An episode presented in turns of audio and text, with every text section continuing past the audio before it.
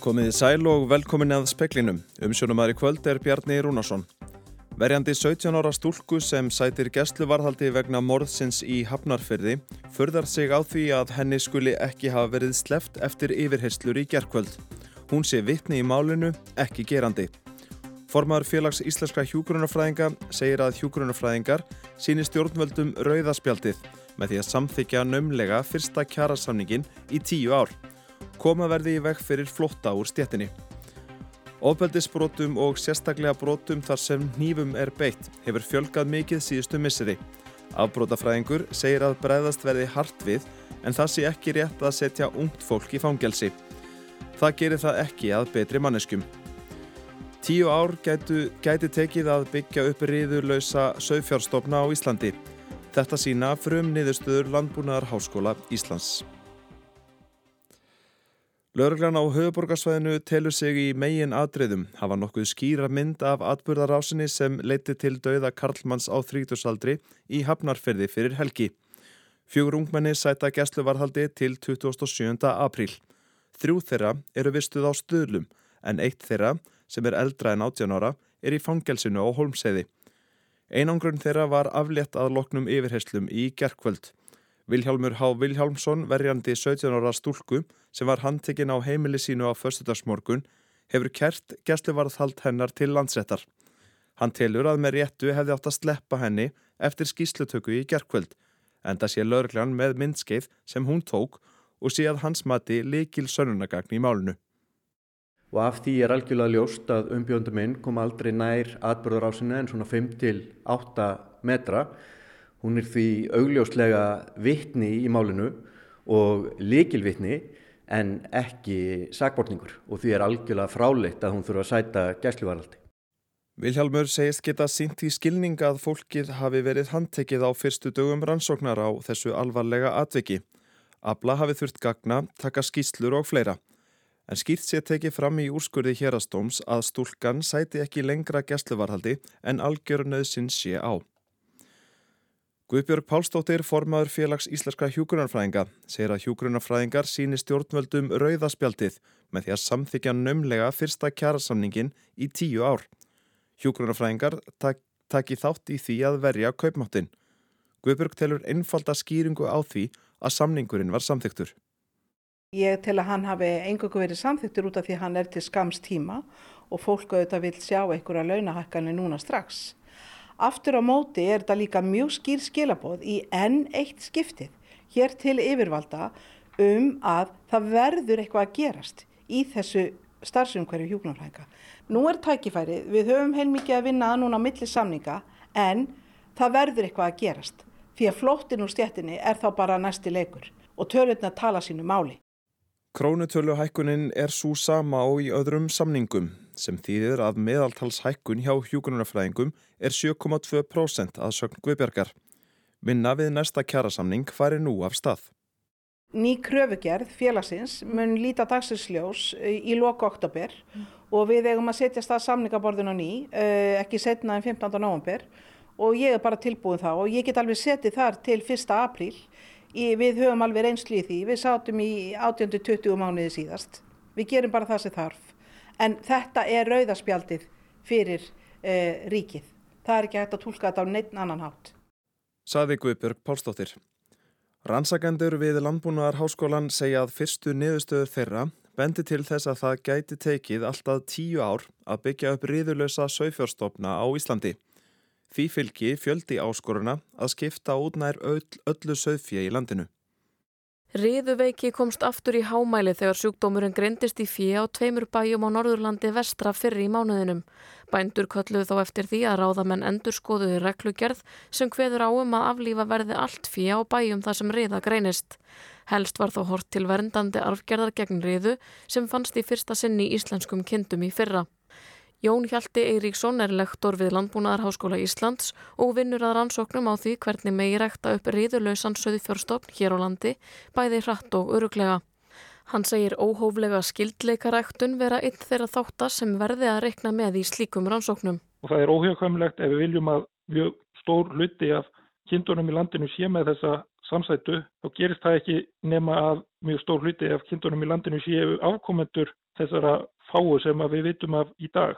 Það er margt lífræðilega og efnahagslega flókið við þetta reikningstæmi en Jón og samstarfsfólk hans miðar við að svara ákveðnum grunnspurningum ráðamanna eins fljótt og auðið er vegna stöðunar sem nú er á Norðurlandi.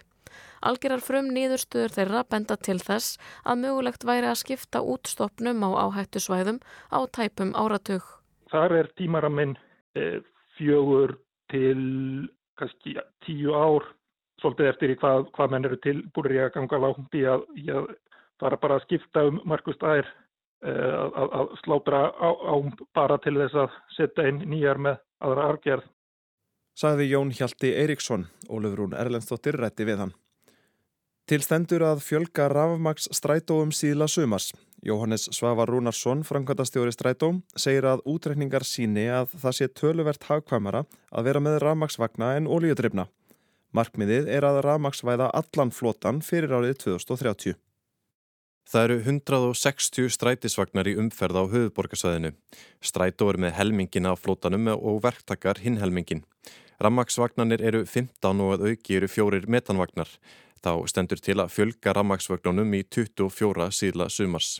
Og síðan erum við að undirbúa útbóða á þeim ekstri sem er nú þegar í útbóði mm -hmm. og þar munum við gera kröfu um, um rammaksvagnar. Hvað marka þá? Eh, svona að lokum þá verður þetta um, tæp, um 80 vagnar búið að segja þess að samningur sem er gildi núna það rennur út í águst 24 þannig að það mun svo bara fasast inn ramarsvagnar hjá þeim sem hlýtur verkið. Segir Jóhannes. Hann bindur voni við að þeir 80 vagnar sem eru í útbóði verða orðnir umhverfisvænir um mitt ár 2028. Strætó hefur verið í fjárrags örðurlögum vegna faratursins en reksturinn er á betri stað í dag. Jóhannes segir að Strætó hafi ekki efna því að kaupa marga bíla. En hvaða áhrif hefur það á reksturinn að skipta út óljudrifnum vögnum fyrir rammagsdrifna? Við höfum látið gera svona stúdíur sem sína fram á það að svona heildar líftíma kostnaðar rammagsvagna sé töluvert betri heldur en, en dísisvagna og, og þetta hefur jábel síðan það var gert. Sluturinn batnað rammagsvagnum í vil vegna, vegna hás ólífers. Þannig að, að það er alveg, þetta er rekstram á líka að geta keift rafmagsvagna, það er ekki spurning. Það sparar ekstra kostnað en, en fjárfestingin er reyndar aðstýrari en, samt búin að láta rekna þá út að það er tölur takkvæmur að vera með rafmagsvagna Saði Jóhannes Svavar Rúnarsson. Ísak Rekal talaði við hann. 73 félagar í sértrúarsöfnuði í Kenia hafa fundist látnir í fjöldagröfum. Leittóin er talinn hafa kvart söfnuðin til að svelta sig í hel til að komast í snertingu við Guð Umfangsmikill uppgröftur hófst næri strandbænum Malindi í austurluta Kenya í síðustu viku og síðan hafa æg fleiri lík fundist. Þegar uppgreftri lauk í dag höfðu 73 fundist látnir. Aðgerðirnar halda áfram á morgun. Leittói safnaðarins Paul McKenzie Netenge var leigubílstjóri áður en hann gerðist predikari. Hann er sagður hafa talið söpnuði sínum trúum að ef fólk svelti sig myndi það frelsast og komast í snertingu við Guð. Láregla hóf rannsókn á honum og kirkju hans eftir að 15 félagar í söpnuðunum fundust nær dauða en lífi af hungri í skóginum þar sem predikanirnar fóru fram. Fjóri þeirra létust og hinnir voru lagðir inn á sjúkrahús. Í kjölfarið hófst umfangsmikil rannsókn og uppgröftur og líkin hafa hrannast upp síðustu daga. Þá hefur fólki verið bjargað á lífi og fleiri er enn leitað. Starfsmenn lauruglu sögðu við AFP fréttastofuna í dag að meðferðin á fólkinu og líkum þeirra væri harmleikur. Í dag hefði laurugla til að mynda uppgötuða sex lík sem þraungvað hafi verið saman í eina grunna gröf. Mörg þeirra hefðu ekki einu sinni verið grafin. Gunnhildur Kjærólf Birgisdóttir saði frá. Raunir enska úrvalstildaleysins Tottenham ætla engan endi að taka. Liðið tapaði fyrir gær með 6 mörgum gegn einu og hefur nú rekið bráðabyrðastjóran Kristjan Stelini sem tók við af Antonio Conte átti að stýra liðinu til loka tímabilsins. Ryan Mason tekur við sem bráðabyrðastjóri en hann var í þjálfara teimi liðsins.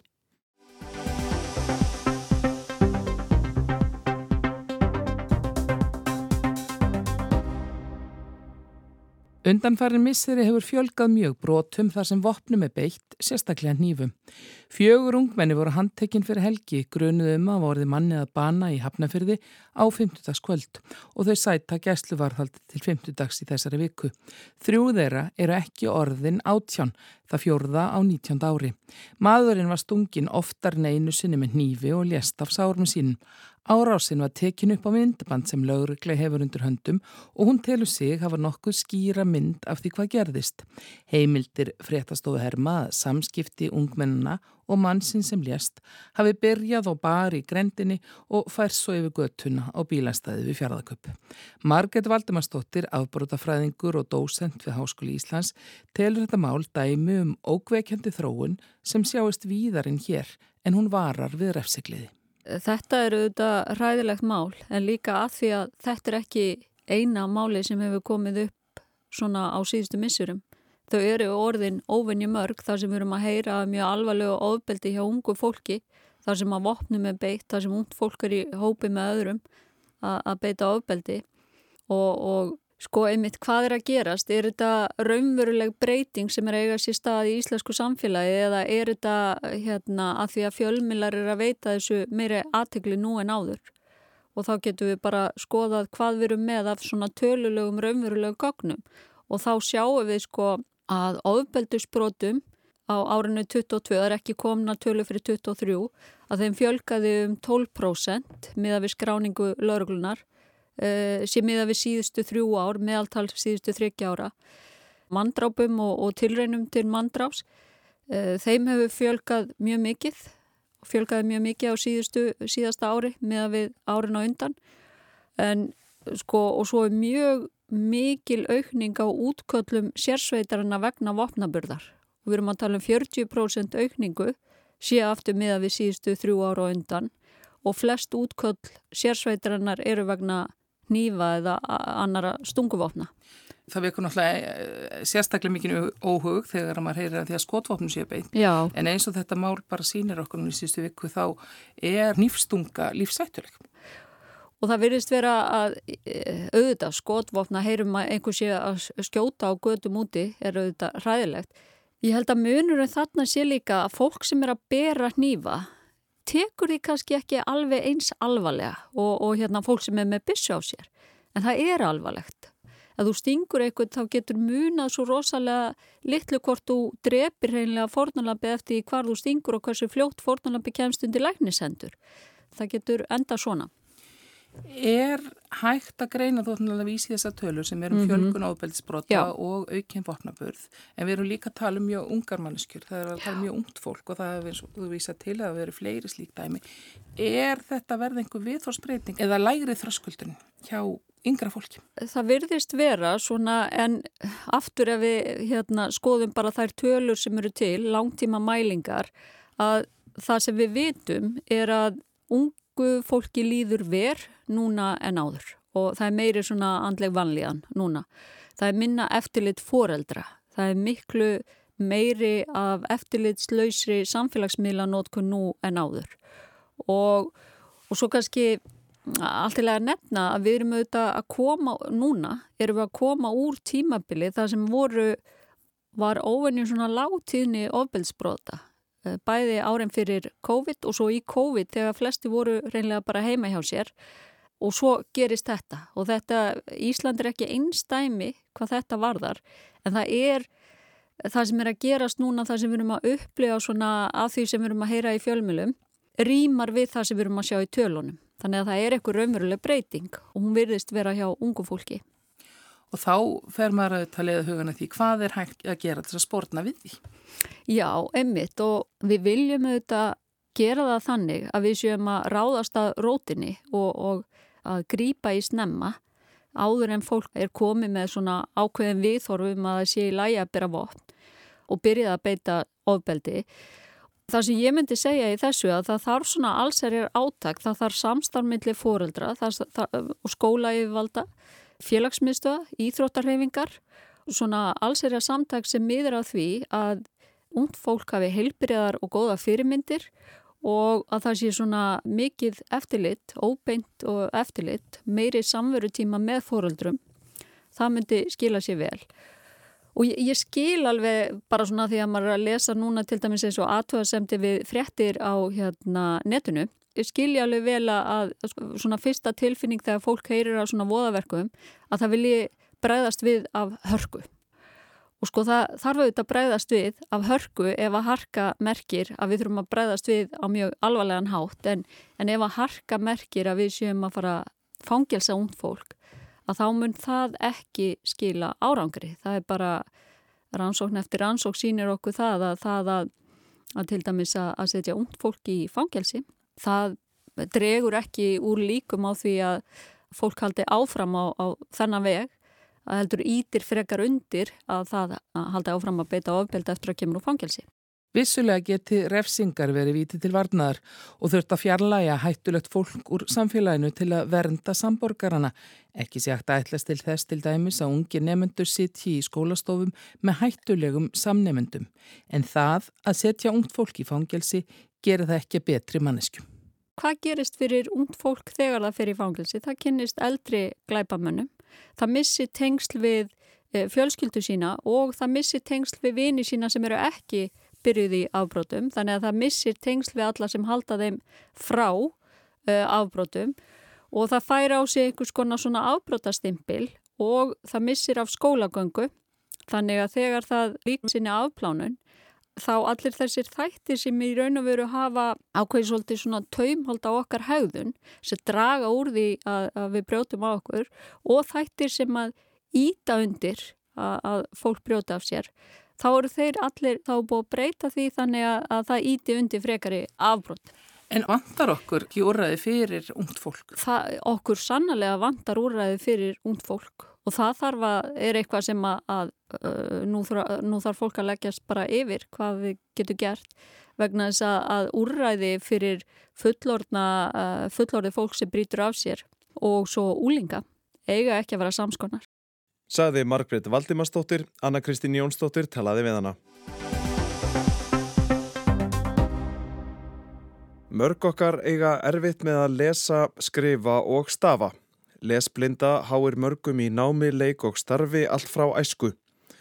En því fyrr sem brúðist er við, því betra. Rúmlega 5. hvert ungmenni á aldrinum 18 til 24 ára er með lesblindu. Þetta segja niðurstöðu nýrar rannsóknar á vegum félagsvísindastofnunar Háskóla Íslands. Heyrum fyrst sögu Guðmundar Skúla Jónsson, formans félagsleisbreyndra, frá því að hann var nýjára gammal grunnskóla nemi. Ég er án skrift og skólastjóra. Ég sitt fyrir fram að skrifborða hans með bókina mína, því hann ætlar að fara að kenna mér að lesa. Ég les, hann hallar sér aftur í skólnum, lignir aftur augunum og hann leiðrætti mig eftir minni. Ég les og les og hann leðrætti mér í síföllu og ég finn hvernig fléttast saman í knút í maganum á mér sem púlsar, kvíða og kulda út um líkamann og mér líður mjög illa. Á endanum segi ég við skólastjórn, af hverju ertu alltaf að leðrætta mig? Þú ert ekki einu sinna að fylgjast með í bókinni hjá mér. Og hann rýs upp og segir, horfir á mig, þér eru vittlisingur, halt áfram að lesa og ég held áfram að lesa alla þennan vetur einu sinni viku hjá skólastjórunum með litlum árangri vegna þess að ég var lesmyndur með kvíða á hverjum degi. Sögur sem þessar eru vafalítið fleiri en aðferðnar eru orðnar aðrar í dag og markvisari. Eða hvað? Hvernig gengur skólakerfinu að takast á við lesblindu? Ástís Adalbjörg Arnalds er forstuðumadur félagsvísindastofnunar Háskóla Íslands. Við gerðum rannsókn meðal ungmenna 18 til 24 ára og þarna var bæðum að ræða könnun og viðtöl. Þannig að fyrst gerðum við könnun og hérna hún náði til, ef reyndum að ná í 4000 ungmenni á þessum aldri en það svöruði náttúrulega ekki öll. En þar voru við spurja út í stöðu þeirra í dag og, og vorum líka með spurningar um líðan og sérstaklega kvíða. Og síðan sérstaklega í lók könnunarinnar að þá spurju við ungmennin hvort þessi tilbúin að taka þátt í viðtali þar sem að getum fengið svona aðeins dýpri insýn í efnið.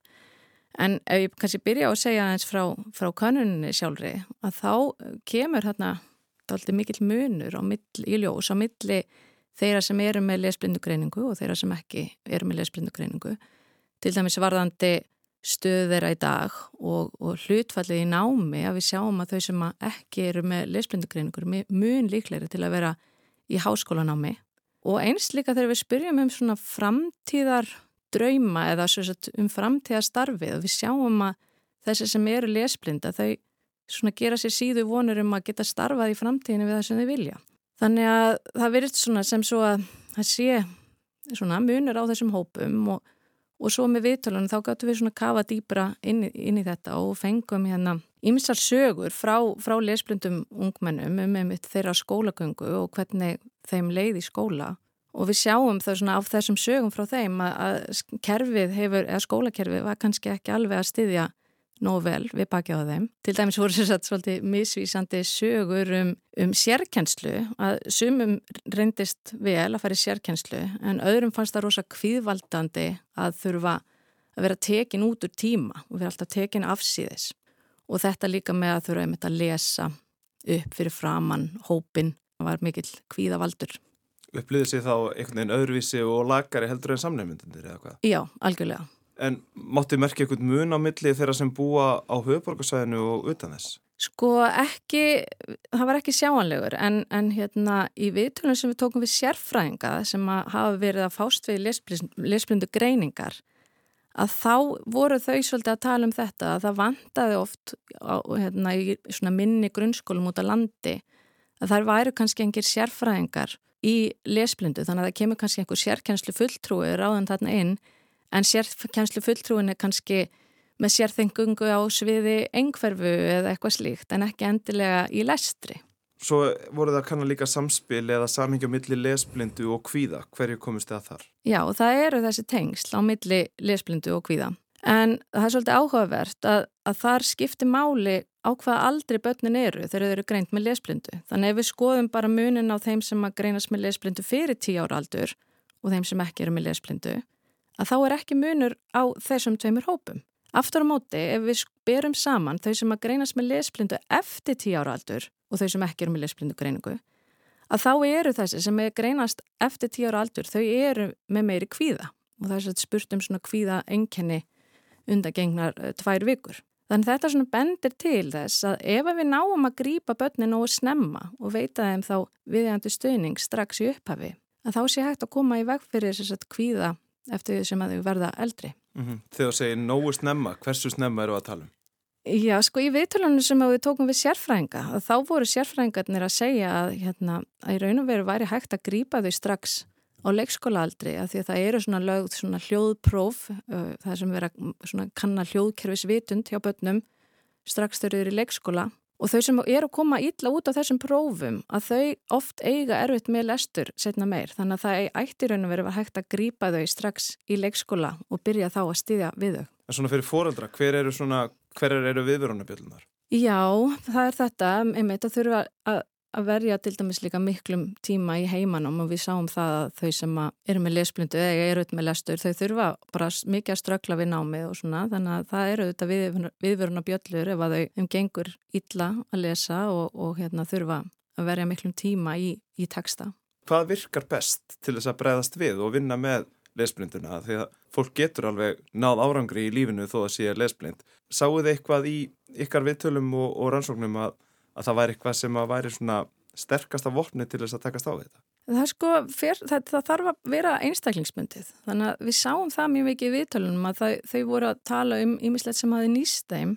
Það voru hérna að sko, vera með lituð blöð, lengri próftíma, alls konar. En það var svolítið misjamt hvað nýttist hverjum og einum. Og einstætt eins og ég nefndi með sérkjænsluna. Sumum fannst það nýta sér á meðan öðrum ekki. Þannig að ég held að við þurfum svona eiga kannski betra samtal bæði við fólkdur og börnunum hvað nýtist í hverju tilfelli. Komuð þér óvart hversu margir er að kljástu þetta? Já, í raun og veru, gerði það, en, en það verður þó að hafa í huga, þannig erum við með ungan hóp, þetta er 18-24 ára, þannig að við vitum að lesblindugreiningum hefur fjölgað mikið á undanförnum árum, þannig að kannski kemur ekkit óvart endilega að þessi ungi hópur sé svona líklegur til að vera með lesblindugreiningu. Þannig að það hefur jú orðið vitundavakning og og hérna það eru fleira greinast og það er verið að grýpa krakka fyrir en var áðugjart en betum á eftir öskal. Við komumst ekki lengar sinni. Ástíðs Aðalbjörg Arnalds, takk hella fyrir komuna í speilin. Takk fyrir mig. Engar vísbendingar eru um að stríðandi fylkingar í Sútan ætlið að leggja niður vopn þrátt fyrir tilraunir margra þjóðarleitúa til að stilla til friðar. Jósef Borrell, utanrækismálastjóri Evrópusambandsins, sagði þegar hann kom til fundar með utanrækismálaráði sambandsins í Luxemburg í morgun að hann hefði verið í sambandi við leitúa nágrannaríkja Sútans og begja hersöðingina sem berjast um yfirráðin. The national humanity message is the, is the same. You have to stop the war. Silence the guns and start talking and looking for a political solution because there is not a military solution to this war. Og skilaboð allra eru þau sömu, þið verðið að hætta að berjast. Þakkiði niður í bissonum og byrjið að tala saman og leita að pólitískri lausn á deilum ykkar því að þið leysið ekkert með því að berjast, saði Jósef Borrell. Hann bætti því við að helgin hefði verið erfið. Reynd hefði verið með öllum tiltækum ráðum að forða starfsfólki Evrópusambandsins í höfuðborginni Kartum úr landi og það hefði tekist. Alls var 21 í starfsliði ESB í borginni. Að auki saði Borrell að um það byrð þúsund íbúar Evrópusambandsríkja hefðu verið fluttir á brottum helgina. Helgin var erfið víðar þegar stjórnvöldu um allan heim keftust við að ná sendiráðs fólki sínu frá kartum. Bandaríkja herr sendi þrjárt sinn núku þyrlur til borgarinnar í gær og flutti erindreka sína og fjölskyldur þeirra á brott. Brettar gripu til umfangsmikill að hernaðar aðgerða til að ná sínu fólki á brott. Nokkrir bílar voru fluttir með flúvilum á vettvang til að sækja fólkið og flytja frá kartum til flúvallarinn á græninu. Það tókst án vandræða að sagna breskra fjölmiðla. Þá tókst hópi svíja að forða sér frá borginni með aðstóð frakka. Fólkið fóru í bílalest til herrflúvallar í nágræninu að fyrir Ulf Kristersson forsetis ráþæra greindi fjölmiðlum frá í gær. I konvojen så fanns de 20 svenska utsända som arbetar vid UD och Sida och deras medföljande familjemedlemmar varav sex barn. Kristarsson sagði að 20 sendir á starfsmenn og fjölskyldur þeirra hafi verið í hópnum þar af sex börn.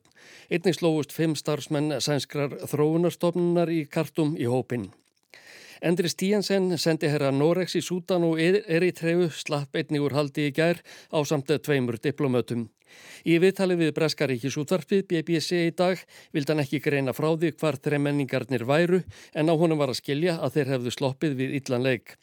Stíansen sagðist hafa reyndað verið í borginni eins lengi og hann gatt en eftir að ráðist var á nágranna hans, sendi herra Evrópusambandsins í Sútan, taldi hann sér ekki lengur sætt.